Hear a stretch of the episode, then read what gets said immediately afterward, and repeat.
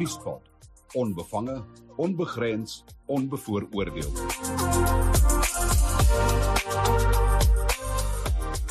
Goeiedag, baie welkom by Nuuspot. Ek het by my Ian Cameron van Action Society en uh, die saak waaroor ons gaan gesels is die van uh, die Suid-Afrikaanse polisie en uh, Ian 'n uh, verslag wat julle uh, vrygestel het waarin daar bevind is dat meer as 90% van Suid-Afrikaanse bestuurders onveilig voel wanneer hulle afgetrek word deur die Suid-Afrikaanse polisie. Uh, ek moet vir julle sê ek is een van daai 90% waarskynlik. Julle het my net nie gevra nie. maar maar ek weet jy nie dit dis dis inderdaad so dat selfs al stop jy by 'n verkeerslig by langs polisie ehm um, dan dan beleef jy 'n oomblik van spanning. Wat wat absoluut. wat om jy weet nie wat om te verwag nie. Dis uh, aan die een kant is dit ehm um, is dit die moontlikheid dat dit nie polisie kan wees nie en en ehm um, en onder die eh, dekmantel van polisie wees jou beroof. Of aan die ander kant is dit magsigtige magsbehepte uh polisiebeamptes wat jou lewe help. Absoluut. Jy Isak ek ek dink jy's ek dink jy's in die kol reg. Ek dink wat kommerwekkend is is hier wat eintlik vir my die mees kommerwekkend is is die feit dat dit my nie verbaas nie. Ehm um, 'n mens het eintlik gehoop dat jy sal skrik om te sien dat daar meer vertroue is. Ek weet nie hoekom nie, dalk is dit maar net vals hoop wat ons het.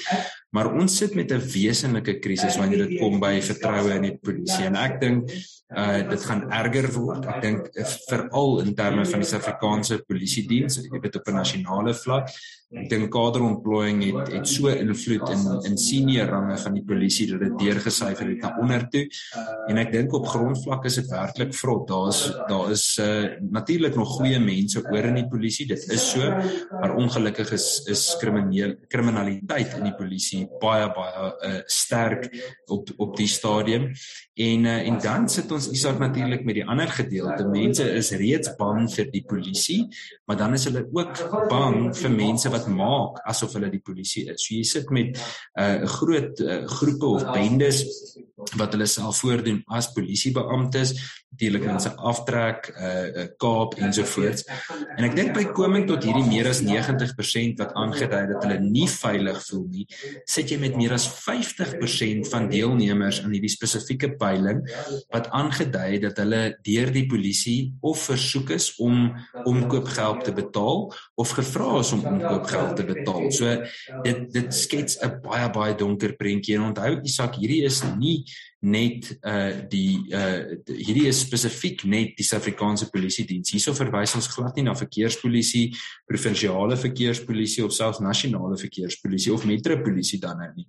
Hierdie is net die SAPS. Ek dink hierdie is eintlik 'n konservatiewe skatting. Ek dink dit is eintlik baie meer sou ons die peiling op 'n groter skaal en verlanger laat loop het. Kom ons sê net gou vir mense, ehm uh, hoe hoe julle hierdie studie gedoen het, hoe uh, hoe het julle op die syfers uitgekom uh, wat julle vrygestel het? Dis baie eenvoudig eintlik. Ons het uh, ons het eintlik voorheen, ons noem dit in Engels 'n trust indicator survey, so 'n vertroue, noem dit maar 'n vertroue indeks in die polisie. Die eerste een wat ons gedoen het was spesifiek met verwysing na 10111 om te kyk of sê mense hulle wil eers 10111 bel as hulle in 'n noodgeval is en natuurlik weer eens skokkende getalle wat daar uitgekom het dat die oorgrootste meerderheid mense eerder hulle plaaslike uh, sekuriteitsmaatskappy of dan 'n buurtwag sal bel en baie klagtes ontvang waar 10111 of glad nie werk nie of die persoon wat antwoord nie uh uh kan kan Engels praat nie of of dan nou enige ander taal wat wat moontlik is. So dit maak dit moeilik om te kommunikeer.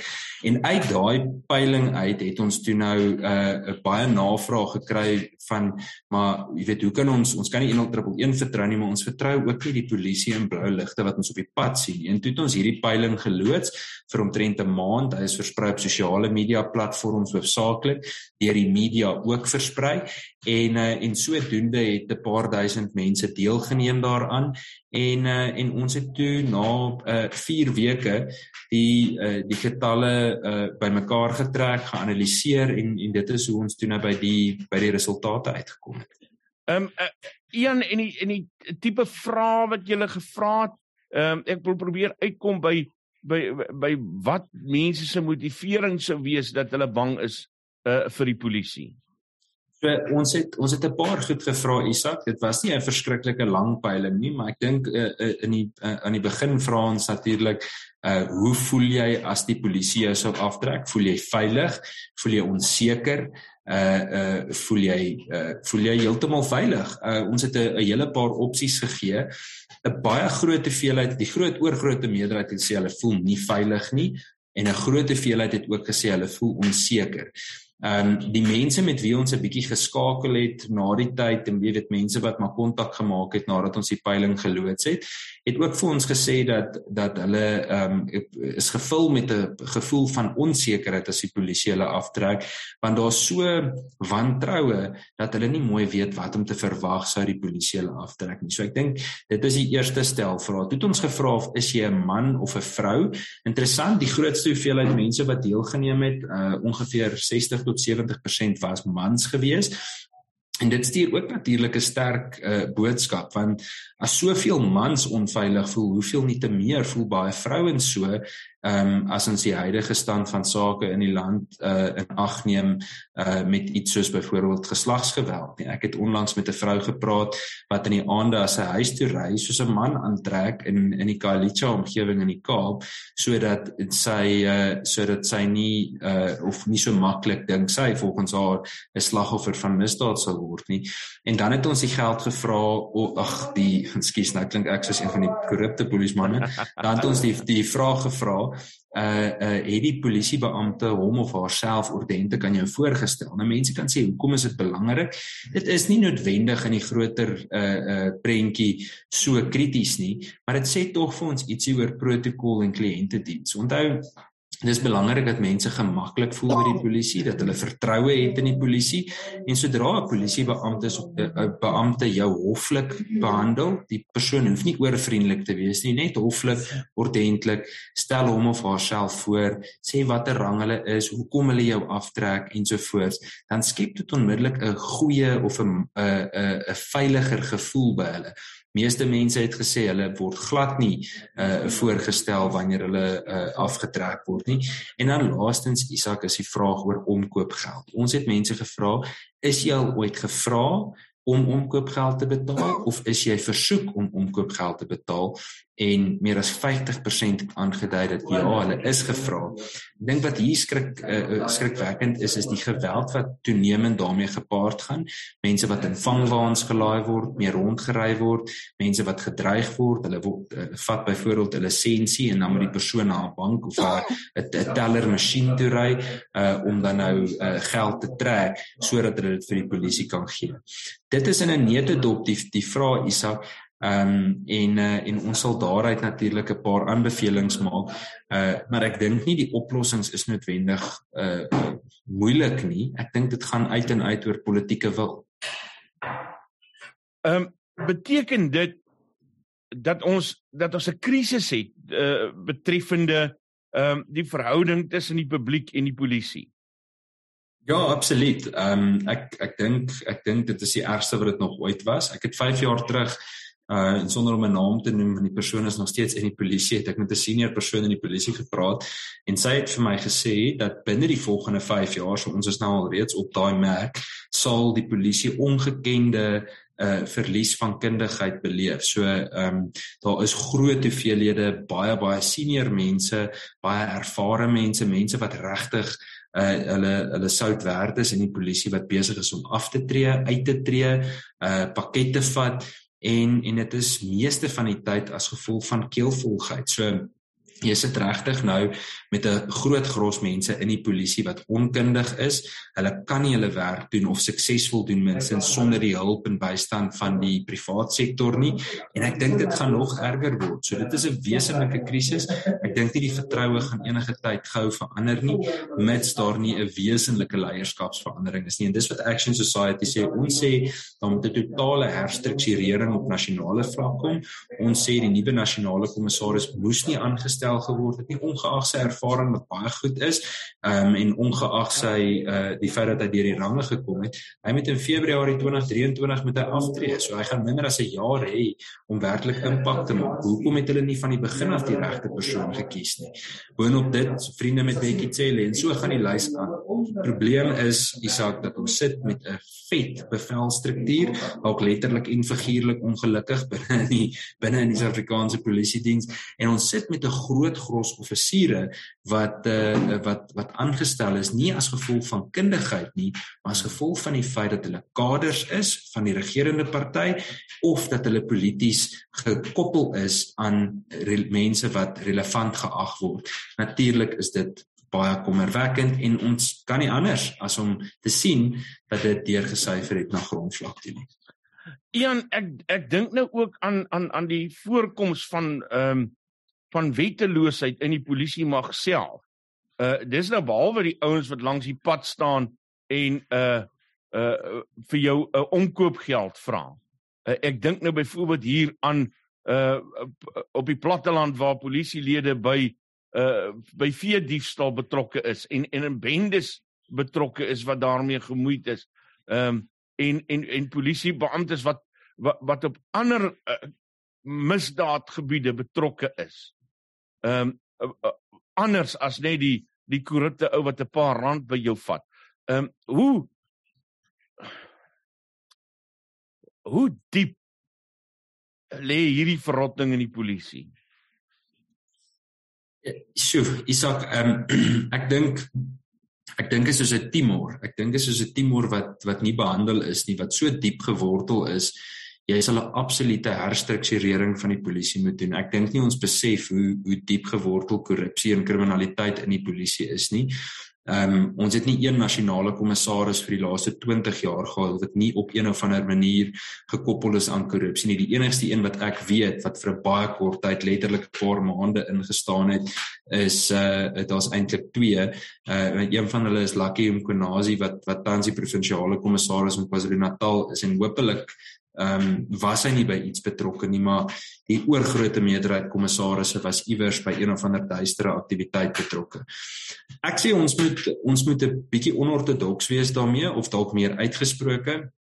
Uh, ek sê ons moet uh, nie net met almal in die senior strukture van die polisie gepoligraaf word om te bepaal of hulle betrokke was by korrupsie of kriminele aktiwiteite nie, maar ek dink ook ehm um, daar moet 'n uh, 'n uh, 'n uh, 'n kundigheidsaudit gedoen word. Uh ons moet gaan kyk of mense aangestel is op meriete of is hulle aangestel uh, aangestel as gevolg van politieke affiliasie. Indien dit die laasgenoemde is, dan moet hulle verwyder word en indien hulle betrokke was by korrupsie, moet hulle ondersoek en vervolg word en natuurlik afgedank word. Maar as ons nie daai ek wil amper sê die top 3 range gaan skoonmaak nie, dan kan jy nie verwag dat die grondvlak reg moet werk nie, want daar's 'n sekere voorbeeld wat gestel moet word. Op die stadium dink ek ehm um, daar is goeie mense in Oopot byvoorbeeld maar ek dink hulle is ver te klein, ver te min en ek dink daar is politieke inmenging ook daar van wat ek al gesien het En dan sit jy ook met die uitdaging dat baie van die ondersoeke word word intern hanteer. 'n Eenvoudige voorbeeld kan ons nou kyk met die hele Ramaphosa uh, se se se Buffalo and Beer skandaal. Ehm um, almal wat hom moet ondersoek het hy aangestel. So hoekom gaan hulle hom goed ondersoek? Daar is nie meer sterk onafhanklike liggame nie. Iets soos die skerpioene sou die perfekte geleentheid of 'n perfekte liggaam gewees het vir so iets. So ehm um, ek dink dit dit som dit op.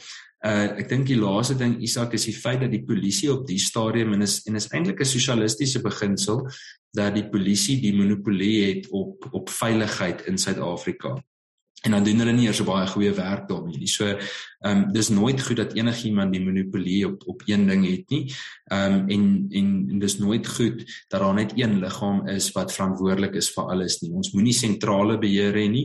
Dis belangrik dat ons met iets soos die polisie gedesentraliseerde strukture het, het sy die valke, skerpioene, oopot ensovoorts waar die een die ander een aanspreeklik hou. Dis 'n gesonde manier om kompetisie te hê en dit maak seker dat elke liggaam op sy tone is.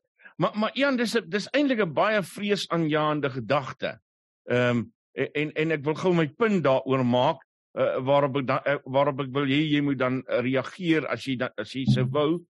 Ehm um, Maar maar maar dink vir 'n oomblik daaraan as 'n mens dink aan die posisie byvoorbeeld net in die Wes-Kaap waar jy polisie uh, beamptes kry wat by bende bedrywighede betrokke is.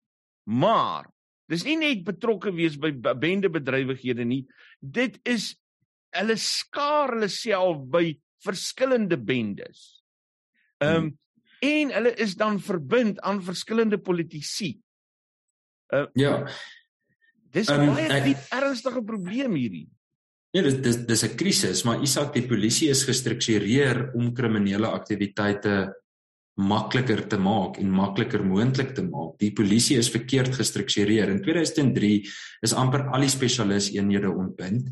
Ehm um, ons het nooit 'n vervanging van die komando gehad nie. En hierdie gaan nie oor landelike veiligheid nie. Dit gaan oor die feit dat jy 'n mate van statutêre vermoë terug in 'n gemeenskap sit.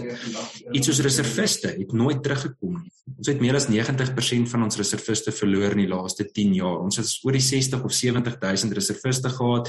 Ek dink daar's nou minder as 5000 wat aktief werk ensovoorts. Die feit van die saak is en ek wil 'n voorbeeld noem, sommer nou dat jy noem oor die Weskaap.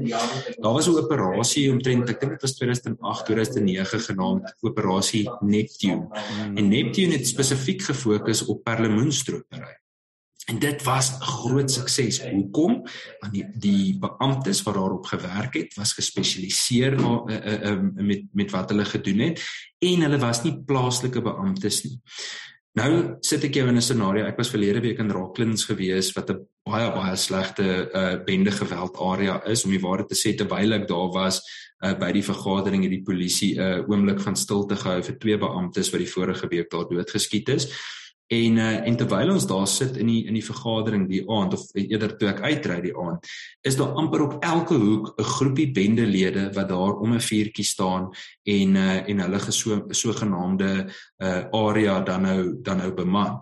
Nou, hoe op aarde is dit moontlik dat 'n konstabel wat sê nou maar 8, 9 of 10000 rand 'n maand kry in so 'n area bly en hy moet daai bende gaan aanpak. Onthou, as jy gaan lees na uh, as jy Give Us More Guns gaan lees van Mark Shaw, die navorsing wat hy oor 3 jaar gedoen het, sê vir ons aan die Kaapse vlakte alleen uh, rondom Mitchells Plain spesifiek is daar oor die 70000 gewapende bendelede. Nou hoe op aarde verwag hulle van een plaaslike polisiestasie om dit aan te spreek? Dis onmoontlik. So die polisie is verkeerd gestruktureer. Jy moet eksterne vermoë wat spesialis vermoë is, moet jy inbring om hierdie tipe probleme op te slaan. Die teenbende eenheid, skus ek sê nou 'n mond vol, is so te sê ontbind deur Cele en die bietjie wat hy eh, toe hy wel aan mekaar geslaan is, is sommer so saamgeflans. Bittermin van daai beamptes het enige ervaring by georganiseerde misdaad, dan praat ons nie eers van die vlak van geweld wat hulle toe nou in die gesig sou moes staar toe hulle begin om bendes aan te pak, aan te vat nie. Ek sê altyd ehm um uh, as mense vir my sê ja, maar daar's darm nog goeie, daar is darm goeie polisie man, hulle is nie almal sleg nie. Dat dan sê ek altyd maar maar dis nie veronderstel om so te wees nie. Jy jy's veronderstel om te kan sê, weet jy, ehm um, ons het 'n baie goeie polisie, maar daar's ongelukkig nog 'n paar slegte enkelinge. Ehm um, hoe gaan ons by daai punt uitkom? Isak ek ek dink skus ek ek is die eerste persoon wat wat gaan sê dat jy weet daar's goeie mense in die polisie maar dit is soos iemand wat as hulle vanaand aankondig dat daar dat daar vlak 6 uh, load shedding is dat daar daarom nog 'n bietjie krag is. Ehm um, dit dit dit dit dit los nie die probleem op nie. Daai handvol goeie mense gaan geen impak maak as die groter stelsel vrot is nie. Ek dink afwenteling van mag in die Wes-Kaap is 'n goeie opsie. Ehm um, ek dink mense moet kry waarvoor hulle stem. daarmee sê ek glad nie die DA is perfek nie. Maar die provinsie werk beter as enige ander provinsie en ons kan dit sien met provinsiale wetstoepassing. Ons kan dit sien met uh, stedelike wetstoepassing. Dit werk eenvoudig beter. Weereens nie perfek nie, maar ek dink afwenteling van mag moet gebeur en ek dink die Suid-Afrikaanse polisie dien moet minder beheer hê van die totale teenmisdaadpoging. Uh Ian Cameron van Action Society baie baie dankie. Dit is altyd lekker om met jou te gesels Ian. Baie dankie dat jy vir ons tyd maak. Baie dankie Isak. Lekker dag verder. Groetnis. Nuuspot. Onbevange, onbegrens, onbevooroordeel. Thank you.